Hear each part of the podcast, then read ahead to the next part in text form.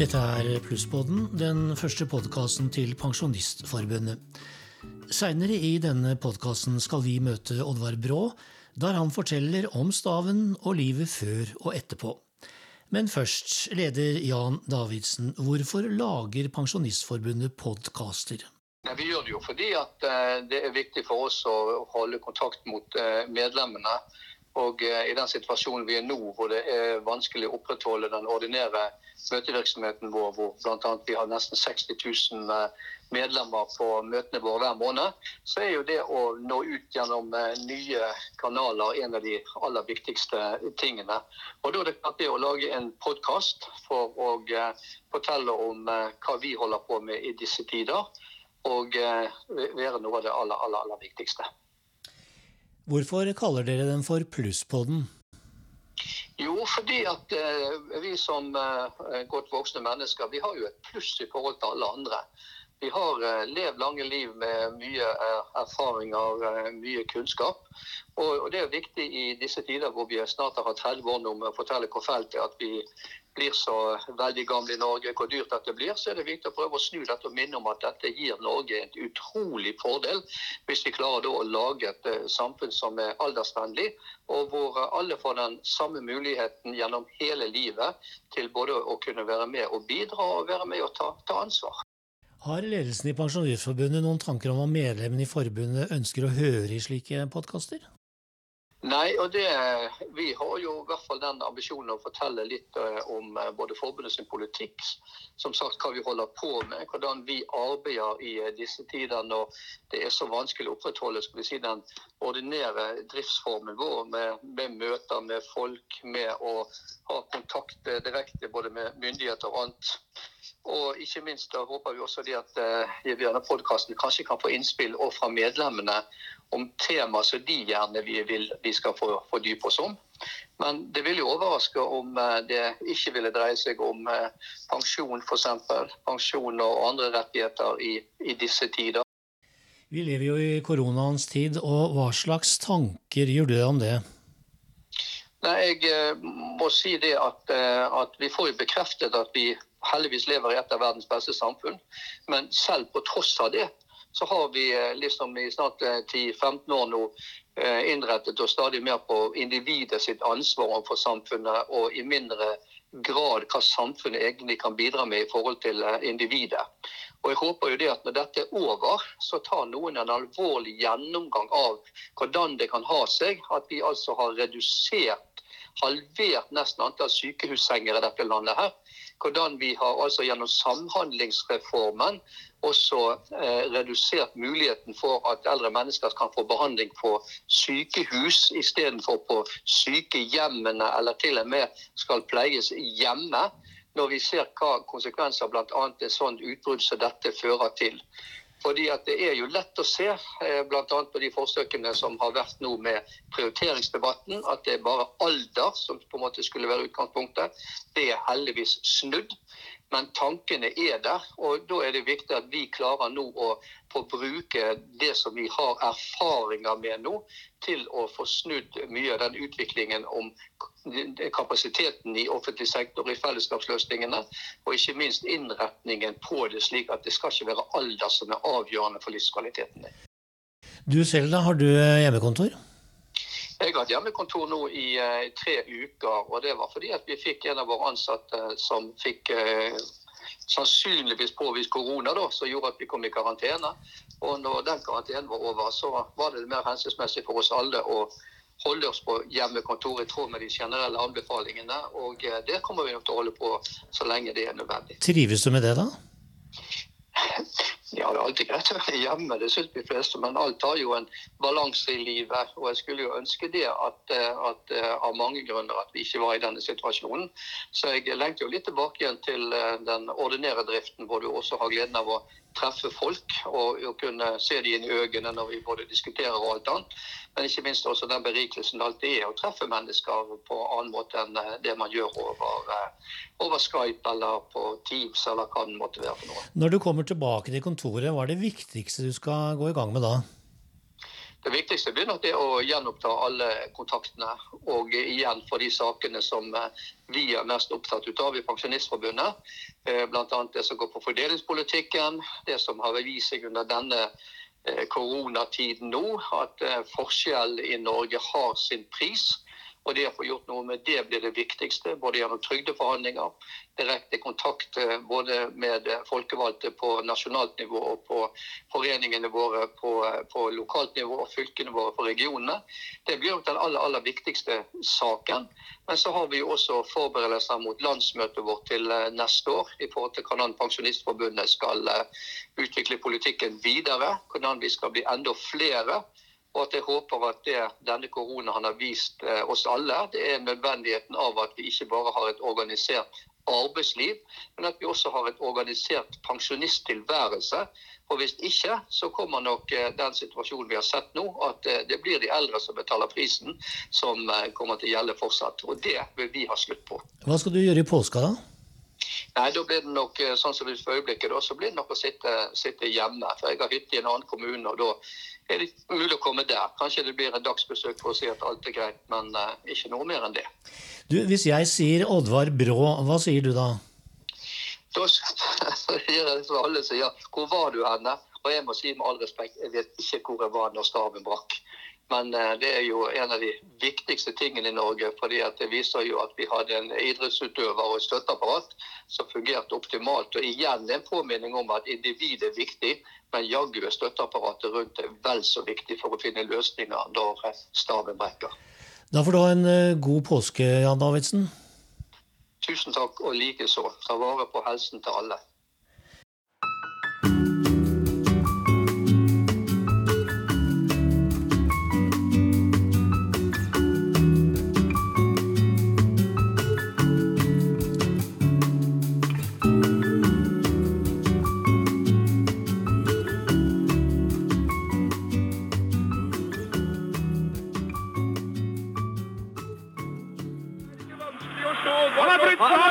Staven! Han har brutt staven! Og går bare med én stav! Det var Bjørge Lillerien i den legendariske radioreportasjen på direkten i ski-VM i Oslo i 1982. Velkommen til Plusspodden. Jeg heter Tor Øystein Eriksen. Og jeg heter Monica Øren. Det fins mange store norske idrettsøyeblikk. Kupperens verdensrekord for eksempel, på 10 000 meter på 15.46,6 under vinter-OL i Skaw Valley i 1960. Hvem husker vel ikke den? Og så har du Karsten Warholms gull på 400 meter hekk i 2019. Eller da Norge slo Brasil i fotball i 1998. Det husker vel alle. Og så er det noen setninger som har blitt uh, folkeeie i Norge. Som eksempel å hoppe etter Wirkola, eller da Brå brakk staven. Og det er nettopp Oddvar Brå vi nå skal treffe. Vi møtte han en vinterdag i Trondheim.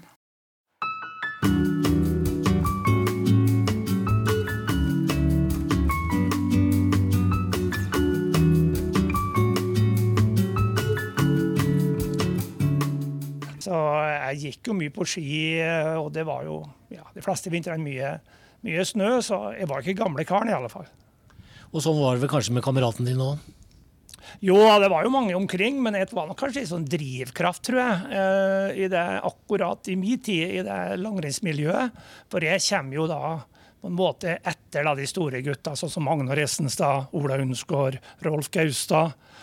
Og eh, akkurat når jeg begynte å konkurrere, da var jo liksom langrenn på en måte ikke eh, toppidretten idrettslag leik, men det var jo hopp med Toralf Engan i spissen. Og da drev du og hoppa òg? Ja da, det gjorde jeg. Jeg er jo oppvokst på gård, og der er det ei stor li. Så der kunne vi hoppe da 30 meter. Jeg vil ikke si at det var noe sånn stor hopptalent, men eh, der var det jo uante med fart, hvis du ville. da. Men kunne du ikke fortsatt med hopp, da? Nei, jeg tror nok ikke jeg var det talentet der. Jeg var nok et, eh, et kondisjonstalent med ganske, som var rask. Så eh, kan du si, når jeg var guttunge, så var det jo først og fremst tre idretter som jeg drev med. Det var da langrenn på vinteren. Og så var det da fotball, som de fleste gutta kanskje driver med. Og så var det friidrett. Så ble det altså langrenn. Husker du det første par eh, skia du fikk, da? Ja, det, det, gjør jeg. Jeg husker også jeg fikk et par faktisk Batsus-ski det første. Men at når jeg begynte virkelig å konkurrere på ski fra jeg var ti år oppover, så var jo landstemski. Og det var jo kanskje flere årsaker til at faren min har jo også konkurrert eh, før. Og kjente da eh, sjefen på Landsheim, som het Even Landsheim. Og da var det naturlig at vi kjørte til Rindalen og kjøpte ski der. Men jeg har lest at du, da du gikk på skolen, så var det jo Du skrev jo stiler, og de handlet jo også om ski, faktisk? Ja, det, var, det gjorde vel det. Det var vel de femmila eller hva sånn, og, som laga et, eh, et renn, ja. Så eh, det huska jo ikke jeg, men du vet, jeg har jo som sagt skrevet i bok sammen med Tor Gottaas. Og han begynte jo da å rote i en kasse som sto hjemme på Landa. Og da fant han disse stilene der, da, som jeg har glemt for lenge, lenge siden. Det første, den første premien din, husker du det? Ja, det var omtrent det første husker jeg egentlig. Det var jo da sånn ei skje. Og så kortet noen pokaler og småtteri da, etter hvert. Og, og, det var vel også det første premien i hele tatt fikk. Det var nok på sånn såkalt skoleskirenn. For den tida der så konkurrerte vi jo en gang i året på skoleskirenn også. Og, men den første på en måte konkurransen jeg gjorde, som jeg har en diplom fra, det er som tiåring på 60 meter. På Klett, eller Leinstrand, da, der det kom også en del eh, skøyteløpere fra. Så du var ganske rask? Ja, jeg er født rask. Uh, så det, det, det, prøvde jo da å vedlikeholde hele tida. Jeg er oppvokst på en måte da Jeg bruker å si at jeg er oppvokst i myra. Eh, som jeg løpt mye i myra. Så du skjønte hemmeligheten ved å bli god og seig ved å gå i myra? Ja, det, det gjorde jo. Jeg så jo litt på historikken, og jeg har alltid vært eh, interessert i, i, trening. Eh, jeg tror ikke det er så mange 13-åringer som har skrevet til Norges Skiforbund etter treningsprogram. I alle fall ikke først på 60-tallet. Og jeg har alltid vært interessert i det. og og også var da ganske på de gamle utøverne og skaffa meg på en måte innspill sånn sett. Men det var to ting. Det, ene var jo da at det var viktig da å løpe da i, i, i myra. Og så var det også viktig da å holde hurtigheten da på litt hardere underlag. Så jeg prøvde liksom de motpolene der for å beholde hurtigheten. Men du var ikke mer enn 13 år. Det var jo ganske avansert form for trening da? Ja, For det første så er det jo da rart nesten at Skiforbundet hadde et program for de.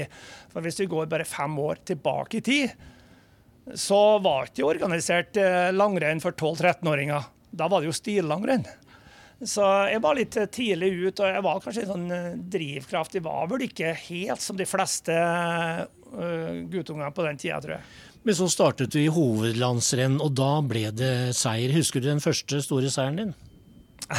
Ja, det, det, husker jeg. Og det første store liksom, skirennet, og det var alltid da i Rindal. Og det, det var da i des, desember da i 63. Uh, det var liksom første gangen jeg, jeg vant et stort skirenn. Hva sa mamma og pappa da? Nei, du vet, de sa egentlig ingenting. Far min han sa ikke så mye. Han var bare til stede og støtta. og det var liksom, Han var opptatt av at skia fungerte, smørningen fungerte og mer i den biten der. Men det som var også artig i den tida der, kanskje i forhold til i dag, det var jo altså at skisesongen starta skikkelig. Og der gikk også de store gutta, sånn som Harald Grønningen, Odd Martinsen, Gjermund Eggen osv. Det var de store forbildene dine? Ja, det var det selvsagt. Harald Grønningen var vel kanskje liksom det største. Han var jo da ganske oppvokst da i, da i Lensvika. og og jeg har sett da Harald Grønningen før. da, Han har jo demonstrert med motorsaga og sånn. og ja. I boka som du skriver eh, sammen med Tore Gottaas, så skriver du bl.a. at faren din sluttet både med alkohol og skrå på begynnelsen av din karriere. Hvorfor? Ja, det er riktig. Det var du vet, eh, jeg vet, Kanskje litt vanlig, kanskje først på 60-tallet, jeg vet ikke. Man eh, prata, men man prata ikke så inn, skal ikke si, intimt. For jeg sa vel noe sånt da at eh, mitt mål var da å bli verdens beste skiløper. Og da måtte faren din bidra? Ja, og, da, og, og det var ikke noe mer sagt. Så det var to, ikke bare faren min, det var også bestefaren min. Bestefar min han da to da kasta ut hjemmebrentsapparatet. Og ble også avholdsmann. Og det er jo riktig som du sier, at far faren min han slutta jo med alkohol. Jeg tror ikke han bruka så mye. Og skrå, som eh, han har bruka i mange år når vi var på skitur før den tida der, så så vi disse brune flekkene. Men du, det å, det å kaste ut hjemmebrennsapparatet på bygda i Trøndelag på den tida, det var nokså spesielt? jo, det er mulig det, men jeg tror nok sjøl i Trøndelag at det var litt forskjell. Jeg tror ikke alle var så voldsomt, og jeg tror heller ikke bestefaren min uh, har bruka det så mye. men det, Jeg var såpass ung at det har jeg kanskje ikke fulgt med, men det ble iallfall kasta ut og kom aldri inn igjen. Så tok du jo mange overlegne seire, og det begynte å gå rykter om deg. Fortell om det.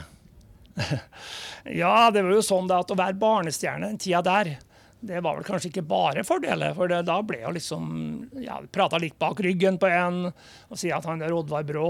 Han, eh, han trener voldsomt. Han trener før han går på skolen. og og han blir nok ikke noen noe skiløper han blir voksen, for da er han utbrent. Og Da syns jeg kanskje det er litt artig da, at jeg er vel en av de som har da holdt ut lengst. Men du, De lokale festene på bygda i Trøndelag de var jo kjent for, i hvert fall sier mytene det, å være ville med masse hjemmebrent og karsk og flatfyll. Hva med deg og festing på den tida? Ja, det var lite av eh, For å ta hjemmebrenten først. da, så det, ja, I mitt eh, liv har jeg kanskje drukket to kopper eh, hjemmebrent. For, for det punkt én at jeg syns det var forferdelig vondt. Og den tida der så var jeg vel så å si totalt avholdsmann. Familien din de sleit jo på jordene og i skauen. Hva med deg? Var det noe hardt kroppsarbeid for å bygge det opp som eh, langrennsløper?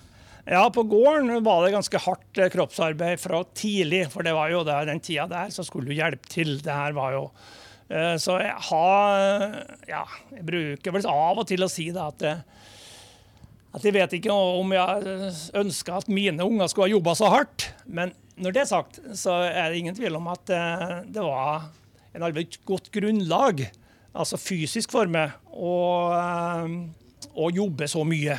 Men det var jo litt spesielt med deg, for de andre langrennsløperne fra bygdene i, i, i Øst-Norge og i Trøndelag, de, de var jo bygde seg opp gjennom skogsarbeid, men det gjaldt ikke deg. Nei, men altså, min generasjon var det ikke noe mange som gjorde det. Det er jo liksom den, eh, den som er litt gamlere enn meg, som at skogsarbeid var liksom en del av treninga. Og, og du kan, på en, en måte kan du forstå det, for det var også en inntektskilde. At du da jobba halve dagen, og så trente du andre delen. Men så er det noe med det at eh, det er utvikling også i skogbruket. Eh, fra svansen og barkspaden så kommer da motorsaga mer og mer inn. Og da blir det mindre og mindre kan du si, trening som var mer i, det, i rette banene i forhold til den idretten du skulle drive. Men du ble lik sliten, men det ble egentlig litt mindre trening. Så dermed så fases det litt ut. Og da var jeg, og, og det, også Ivar Formoe, kan du si, at vi begynte å slå disse gamle gutter, som 18-åringer allerede. Og jeg har jo dog eh, tatt i øks da, og planta skog. og litt Og så er du jo flink med motorsaga. Nei, motorsag var jeg ikke flink med. Den har jeg bruka lite. Og Ivar Formoe han eh, har jo da ikke tatt i øks, tror jeg. Og han var heller ikke noe sånn flink til sånne ting. Jeg tenkte vi skulle komme tilbake til det med Ivar Formoe, for han betydde jo veldig mye spesielt for deg. Men helten i de første gutteåra, det var vel Sixten Jernberg? Ja, Sixten Jernberg har jo alltid vært der, på en måte. Altså, jeg husker jo var, jeg var utrolig imponert over teknikken til Sixten Jernberg. Eh, og nå sånn i ettertid så ser jo det at uh, Sixten Jernberg var nok først og fremst forut i sin tid teknisk. Han, eh, for, for de, eller alle, mer eller mindre i alle fall, eh, er jo oppvokst i i løse spor, og da blir teknikken litt deretter. Men Sixten Jernberg var langt eh, foran. Men du var jo også langt foran med trening, fordi du fløy jo opp bakkene, sklei ned igjen. eh, Og det gjorde jo stor furore på landsbygda når folk så deg trene. Jo, det er, det er, det er mulig. Altså, jeg var jo, som, som jeg sa, da, interessert i trening og, og så og visste hva som måtte til. For eh, altså, jeg tenkte som så at har du først jo tatt et valg, eh, så, så må du liksom stå det ut. Altså, du, du kan ikke ta et valg, og så er det sånn halvveis. Da, da må du innse at ja, det her er halvveis. Men hvor har du all denne viljestyrken fra? Nei, Det er nok medfødt, på en måte, tror jeg. Altså, jeg tror også Far min var jo viljesterk eh, på mange måter, men jeg bruker å si det at kanskje har jeg noe fra min oldefar. Eh, du vet, Jeg oppvokste mine elleve første år i fire generasjoner. Og eh, det var vel ikke helt uvanlig, men ikke helt vanlig heller. Og da har jeg en, eh, da en oldefar som var ganske sprek til han ble 90 år. Og det var en viljesterk eh, kar på alle måter. Så de bruker å si det at han hørte alltid når Sivert kom, for han snakka høyt. Så kanskje derfor jeg har det Jeg snakker høyt også. Men er det sånn at du bestemte deg ganske tidlig for at du skulle bli verdensmester på ski? I en eller annen disiplin? Ja, altså jeg har jo det som mål allerede som 12-13-åring. Og det, det var jo også ganske uvanlig i alle fall at du sa det. Altså, du sa til kameratene dine? Ja, jeg sa det til alle. Hva, hva sa de da? Nei, Det syns vel jeg var litt utafor, tror jeg. Eller eh, det skjønner jeg ikke helt hva jeg mente, tror jeg. Du trodde du var litt sprø? Ja, jeg tror det. Eh, fortell, Du kommer jo fra Trøndelag med en utpreget trønderdialekt. Fortell om første gangen du ble intervjuet i NRK Fjernsynet og prøvde å unngå dialekten. Hvorfor det?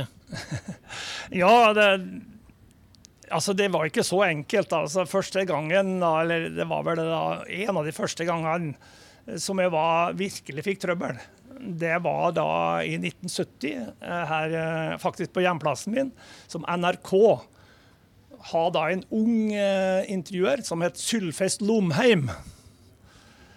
Og han snakka et språk som var vanskelig for meg. Jeg forsto egentlig ikke hva han spurt om, men de torde ikke å ta opp igjen, så jeg svarte jo. Og her for en måneds tid siden da tok jeg et fly fra, fra uh, Oslo til Kristiansand. Og når jeg kommer på flyplassen der, der står Sylfest Lomheim. Da, da møtes bare blikka våre, så går vi bort til hverandre.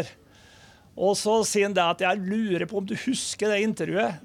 Du, sier det husker jeg godt. Jeg forsto ingenting hva du sa. Forsto han hva du sa? Ja, han mente jo det, da. Men han mente at, at de var da, da såpass beskjeden at de prata alvorlig lite, og det, det, stemte jo også. Så han sa også at ja, den siste boka han skrev for et par år siden, altså, sier at, det, at mennesker utvikler seg. Og, og han har da gitt ut en bok som jeg tror han sa heter 'Tale er gull'. Og, og der er jeg nevnt da, som et eksempel. Eh, vi skal gå over til en av dine beste kamerater gjennom eh, personlig og som eh, idrettsutøver. Det er jo Ivar Formoe. Eh, Ivar Formoe var bygutten fra beste vestkant. Faren var bedriftseier. Du var bygdegutten eh, og odelsgutten. Eh, hvordan hang dette sammen at dere ble så gode venner?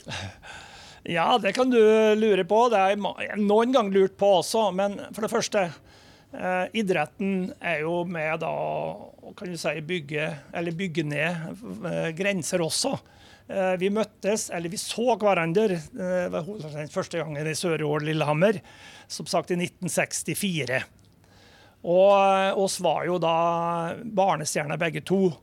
Men første gangen vi egentlig blir godt kjent, det er da på landslagssamling på Pellestova på Lillehammer også, i 1968. August 1968. og da var det egentlig noe Ja, for vi var jo da gode begge to begynte å være best og den biten der. Men altså, jeg, jeg, vet ikke. Det var et eller annet som gjorde at uh, vi var, ble interessert i hverandre, tror jeg. Og, uh, og, da dro jeg faktisk Da fikk jeg invitert til, Oslo uh, da på høstferien. Og var da ei uke og trente sammen med Ivar. Og da var vi liksom Ja, da ble vi virkelig godt kjent. og så det visste jo det at eh, sjøl om vi kom ifra så forskjellig kan du si, oppvekst, så var det på en måte en sånn uh, Vi påvirka hverandre litt, tror jeg. Jeg påvirka meg litt av Ivar den veien, og han begynte å se kanskje det var en annen verden bare Oslo vest også. Hvordan gikk du inn i dette miljøet på Oslo vest? Fikk du noe tilknytning til det? Ja, altså det har noe med det at uh, de som tror jeg er derifra, de er, er jo ambisiøse. Og, mange, og, det var jo du òg? Ja da, det var jeg. Og, men de, mange har også da eh, en god utdannelse i forhold til jeg som kom fra bygda. Må huske på det her. Da, hvis du tenker da slutten av 60-tallet, og du var fra bygda, så var det utrolig få som tok videregående skole eller gymnas. Vi har sett på det kanskje maks 5 og, og kan du si eh, da i det Ja, Der han kom fra, så var det motsatt. Ja, så, men så har det noe med der idretten. Jeg var kompis med Ivar. Jeg har vist at jeg kan uh, oppnå et resultat, og det var satt respekt. Så jeg ble utrolig godt uh, mottatt i den gjengen der. Og dette vennskapet det varte livet ut helt til Ivar Formoe døde under tragiske omstendigheter i Nordmarka? Ja, det gjorde det. Og for å ta litt om det den uh, Høsten 2006 så var jo Ivar da opp til Trøndelag opp og bodde til meg. Uh, og det er liksom siste gang vi møtes. Og det, det, er liksom noe som jeg kjenner på en måte på. For uh, han hadde en sønn som gikk på NTNU her. Og vi var dit og laga noe middag, eller Ivar laga middag, han var god til å lage mat og alt det der. Og da vi kom tilbake til Byåsen, som jeg bodde så ble vi sittende og snakke i bilen om det livet vi har hatt. Vi snakka liksom om da vi møttes og hvordan livet har vært. Det har jo vært opp- og nedturer på begge to. Og vi så liksom for oss liksom livet har. Og før vi skulle gå inn uh, da og legge oss og sove, så sa Ivar det. Du, Oddvar, vi er jo egentlig ganske like. Det var siste gang du snakka med ham? Ja, snakka med ham så vidt til frokost da, morgenen etterpå. Og det, så snakka jeg med ham i telefon da, eh, lille julaften, som vi ønska hverandre god jul. Og jeg ble da invitert da til å feire nyttårsaften sammen med Ivar på Mylla. Men eh, han da gikk unna isen da andre juledag. Hvordan reagerte du da? Nei, det var fælt. Eh, jeg satt eh, og så TV den kvelden. Og ikke jeg fulgte med noe særlig andre ting, og slo jeg på TV-en. Og jeg slo på tekst-TV, og da ser jeg sånn på ja, øverst på skjermen med svart skrift, der står det 'Ivar Formoe død'. Ja, jeg vet ikke hvor lang tid jeg satt og bare kikka i skjermen. Det var helt ufattelig å, forstå noen ting av det. Uh, Omsider så kom jeg meg da opp av stolen og så gikk jeg inn på nettet da, og så hva som, den utviklinga som har vært hele den, uh, den ettermiddagen kvelden. Og uh, når jeg var når jeg stilte på å lage boka sammen med Tor Gottaas, så fortalte også min sønn Åsmund, som var elleve år, da, om at, at vi har et stort kapittel om Ivar, som også Åsmund da kjente. Men da sier han det ja, men du kom innom rommet mitt før du la det, og sa at Ivar var død. Og det er nok eneste gangen tror jeg, han har sett sin far gråte skikkelig. Så gikk jeg og la meg, og fikk sove. Og så klokka seks om morgenen så gikk, ringte NRK radio og intervjua. Man prøvde å Ja, litt da om det som var, og så hva som skulle skje utover dagen. At de sa at Ivar Formoes død i dag var hovedoppslaget. Men så, utover dagen, så eksploderte liksom media. Så jeg tok imot både flere TV-kanaler, radio, eh, aviser. Så jeg ser meg sjøl på det siste intervjuet, tror jeg, TV 2, at da er så vidt de klarer å, å stå. Altså, det var en forferdelig dag. Den verste dagen i livet mitt. Har du kontakt med Formoe-familien fremdeles? Jeg har litt kontakt, men ikke mye. Men jeg har litt kontakt. Men samboeren til Ivar da, hun møtte faktisk på et foredrag på Lier for ja, for to uker siden. Eh, hvis vi går tilbake til dine bravader i langrennsløypene, så var det jo sånn eh, Første beviset på at du tilhørte verdenseliten, den kommer jo i, i 1973 eh, i Reitum Winkel på 15 km. Eh, fortell litt om det. Ja, det var jo da jeg vant mitt første verdenscup. da, Men jeg var jo da med i OL i 72 og vant bl.a. første etappen der. og, og to sølv på stafetten. Men det var jo dog spesielt å vinne det første store rennet, og det var i Reinter Winkel i gamle Vest-Tyskland. Så det var jo fantastisk, det. Og 10.2.1973 så vant de din første femmil. Det var det vel få som trodde at du ville gjøre?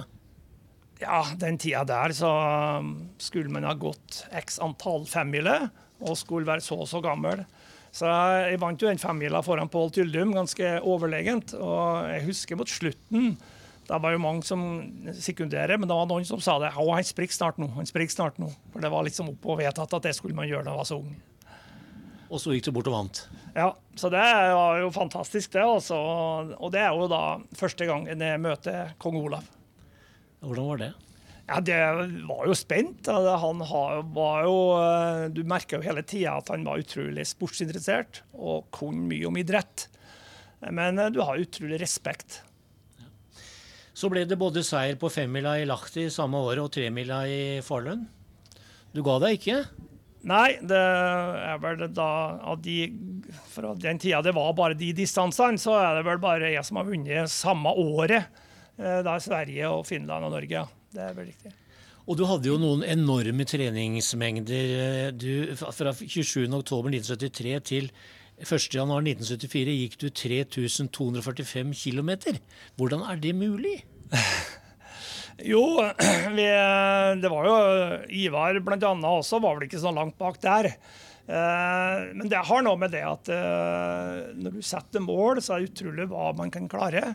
Men vi, vi så vel det at det her var på grenseland, og tok det litt ned året etterpå. At uh, det her kanskje ikke har gått over flere år. Skal vi snakke litt om utstyr? Um, du hadde jo gått på Landsem-ski, altså treski, i mange år. Men så kom det et tilbud fra Fischer, og du takket ja. Hvorfor?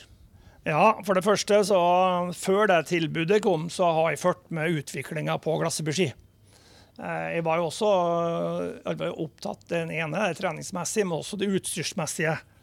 Og så også det var en del ting man kan gjøre der. Og så fikk jo også høre da fra Mellom-Europa, men Magna Lundemo var trener i Østerrike, at på bløtt føre så var det kommet glassbeski som han var ganske overbevist om slo ut alt annet. Og det andre var det at det var en norsk tropp faktisk også ned da, til Reitenwinkel i, ned da i 1973. Nei, 70, jo, 73. Og eh, på da et bløtt føre og på våren. Og da ble de der norske løperne helt slått. Så, så fikk jeg da muligheter til å dra ned til Ramsau i Østerrike og teste ski. Og, på Fischer. På Fischer. Og da skrev jeg kontrakt og eh, dro hjem. Og var forberedt på å da gå på det. Men så utpå høsten så ble det uro. Først, ja, du, ble, du, ble, jo karakterisert som en landsforræder? Ja, nesten i alle fall. Uh, I visse miljø, helt sikkert. Uh, men uh, da begynte jeg også med Skiforbundet, for det var jo en skipol. Og så begynte jeg den biten der. Og så begynte jeg også norske skifabrikker. Og for du vet Treski mente jo mange at det var jo Treski var best og kom alltid til å bli best. Og så var det en guttunge da på 22 år som da går etter pengene. Og det var egentlig ikke så mye penger, så det var jo ikke det. Men de var ganske overbevist om at det var framtida. Og i tillegg, da, for å skjønne at det her var litt alvor, så ble det her tatt opp av Halvard Eika i Stortinget. Og i forhold til norske arbeidsplasser. Du kunne eh, sånn forstå det. Det var 14 eh, treskifabrikker da. Og de fleste av de lå på ja, små plasser. Og arbeidsplassene var viktige. Men eh, det var litt langt å gå, og, eh, og fabrikken, altså Fischer, kom opp på Hollanda, faktisk. Både med servicesjefen og, eh, og direktøren. Men enden på visa er jo da at de må rive den, den kontrakten i stykker. Og så gikk du tilbake til, til Landsem? Det gjorde jeg jo da, da, våren etterpå. Jeg var jo aldri i tvil da, men da var det vært så mye uro på alle mulige måter at jeg gjorde jo det. ja. Men følte du at folk så litt ned på deg pga. dette her, at du hadde gått til en utenlandsk konkurrent? Jeg tenkte ikke så mye på det. Jeg var så opptatt av at, at utstyret var så viktig. Og var helt overbevist om at eh, det her var framtida. Men det var bare det at eh, det var en del skjær i sjøen før du fikk det på plass. Og VM i Falun i 1974, da kom den virkelige glassfiberrevolusjonen. Ja, den gjorde jo det. Det var jo et sånt merkelig mesterskap. Det var lite snø den gangen òg. Utrolig lite snø. Og det var bløtt og tørt og blankis og alt mulig. Og da visste vi vel det alle at eh, da ble Grasby ski framtida. Så må vi snakke om det som du ble aller mest berømt for. Eh, og som nærmest har blitt et ordspråk i Norge. Da, hvor var du da Brå brakk staven? Det er ikke vanskelig å slå. Han har brutt staven! Han har brutt staven! Og går bare med én stav, og så får han den igjen! Og så får han den ned! Ikke fall nå, Oddvar! Han ligger foran Savjala. Så Savjala går opp på siden av igjen. Han brakk staven! Han brakk staven idet han gikk forbi Savjalo. Men så kommer Oddvar tilbake igjen! og går fra Savjalov en gang til. Kan Savjalov klare å svare? Hvor mye krefter mistet Oddvar Brå på dette? Han fikk en ny stav av en av de norske ledere. Over dem, jeg tør ikke å si noe. Oddvar Brå på vei ned mot målområdet. Oddvar, tror du at det blir gullmedalje, Håkon? Ja, det tror jeg. Jeg tror ikke det er noen som greier å ta Oddvar nå. I dette øyeblikket, ned på selve stadion. Oddvar ligger de nødvendige 3-4-5 meterne foran. Og så begynner startingen på Oddvar. Oddvar der begynner Savjalov å starte. Oddvar ligger noen få meter foran. Å, kjære Oddvar, kjære Oddvar. Verdensmesteren på 15 km. Kjemper mot sølvmedaljevinneren. Savjalov, Savjalov forsøker å komme opp på siden av Oddvar. Begge to staker seg ut av hesteskoen. Det er bare 50 meter. Savjalov går opp på siden av Håkon. Og, Oddvar. og så går de litt inn mot mål, og de går i mål der. Oddvar, var det Oddvar, eller var det Savjalov? Fortell. Ja, det ble jo spesielt. Det var vel ingen som trodde det ble sånn etterpå da. Jo, det er jo VM-stafetten i 82 som ble spesiell på mange måter. Eh, Det er jo da Vi er jo fire stykker på laget. Det er jo da Lars-Erik Eriksen går første etappe. Veksler først sammen med Thomas Vassberg. Ove Aunli gjør da et kjempeløp på andre etappen. Eh, Men det er nesten ingen som vet om det løpet. For eh, det er ikke så lett å se det i stafetten. Så Ove han spor meg for et par år siden, du Oddvar. Det var bare du som gikk stafetten i 82. Men det var ikke det. Ove har da kanskje det viktigste eh, løpet, eller eh, innsatsen, var jo Ove som gjorde. Og så går du da Mikkelsplass tredje etappen, og går ut da i stor ledelse og ramler da i Stygdalen. Og enden på er jo da at uh, han blir inngått av uh, Sovjetunionen og er da går 12,5 sekunder etter Savjalov ut på siste etappe. Og det er jo da en etappe som uh, blir spesiell. For det første, da, så etter 10 km to dager før når jeg vant 15, så har vi samme tid etter 10 km. Men det er jo ikke statistikk. Så jeg nådde jo han, og det ble da en kamp uh, ja, helt til mål. Uh, og vi har kanskje litt forskjell i, forhold til ski, og jeg visste jeg har litt dårlig glid, og det visste han også. Så han ville kan du si, være først inn på stadion, og kanskje håpe Men det ville du òg. Ja, det ville jeg jo det da i bakken der, og da er jo der berømmelige stavbrekket skjer, da. Kan du, kan du fortelle i detalj om hva som skjedde? Ja, Savjalov visste at det, at det her var min siste sjanse. Jeg går ut til venstre, og da blir det en kollisjon. Jeg brekker staven, han går da ned på kne. Så fortsetter jeg å gå, og når jeg kommer på flata etterpå, så ser jeg en skygge på venstre sida. Da ser jeg Terje Bogen som kommer i en vill fart, og da får jeg en ny stav. Og mens jeg da driver og har på med staven, så kommer Savjalov. Så er vi plutselig starter vi sammen igjen. Og, men da er nok Savjalov litt sliten også, og eh, da får jeg da noen meter her. Jeg får en ca. 30 meter før vi skal eh, ned til mål. Og jeg har som sagt, visst jeg har litt dårlig glid, men jeg trodde og håpa at det skulle holde. Men så kommer en glidende sakte, men sikkert innpå. Og så skifter han spor når det er en eh, 40-50 meter. Kommer faktisk borti staven min da, men det er jo et OL, tror jeg, og heldig for han. Og så blir det da målgang, og så blir det da hvem var først over mål. Ja. Og det er jo, var jo da en time å vente på den juryavgjørelsen. Så i ettertid så kan du si da at eh, regelverket var såpass eh, ja, ullent at eh, hva som skulle være først over målstreken, det står det ingenting om. Hvor høyt over bakken sto det ingenting om. Så i ettertid så tror jeg da at det var greit at det ble delt seier. Ja. Hvordan virker det på deg når du hele tida blir spurt om dette her, og, og alle måler seg ut ifra, i hvert fall den eldre generasjonen, da. Eh, Hvor var det da Brå, eh, Brå blakk staven? Er akkurat det samme som å hoppe etter Wirkola. Altså, de to store illustrasjonene på norsk idrett, hvordan virker det inn på det? Er det moro? Ja, jeg må jo si at det har vært positivt sånn totalt sett, men det var jo en periode jeg syns det var litt belastende òg. Det tilstår det. For det er noe med det at når du blir spurt om det mange ganger for dagen, så kan det bli nok, altså. Men eh, store det hele så har det jo vært mye positivt med det, og folk mener jo ikke noe, noe negativt, sjølsagt. Og så er jeg en ganske tålmodig person akkurat på den eh, biten der. Og eh, ja, de rundt meg de skjønner egentlig ikke at jeg er så tålmodig. At jeg prøver jo da på en slags måte å gi noe tilbake. Og bruke tid på å svare noenlunde skikkelig. Og den biten der, ja. Så kom du jo opp på nytt igjen i forbindelse med, med VM i Oslo i 2011. Ja da. Vi har kjørt mange repriser av, eh, av det her. Både med eh, Savjalov, har jo vært med i flere også. Og også da med Bogen og hele pakka. Og det som jeg syns er litt artig i ettertid, da, det er jo at eh, man husker på da, at i 1982 da var vi i Sovjetunionen-tida.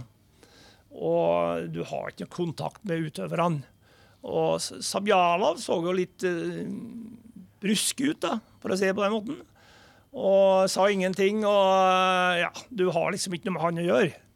Men i ettertid så syns jeg det er artig at jeg har fått uh, ganske mye med han å gjøre. da. Ja. Og uh, vi har møttes mange plasser. Han har vært hjem til meg.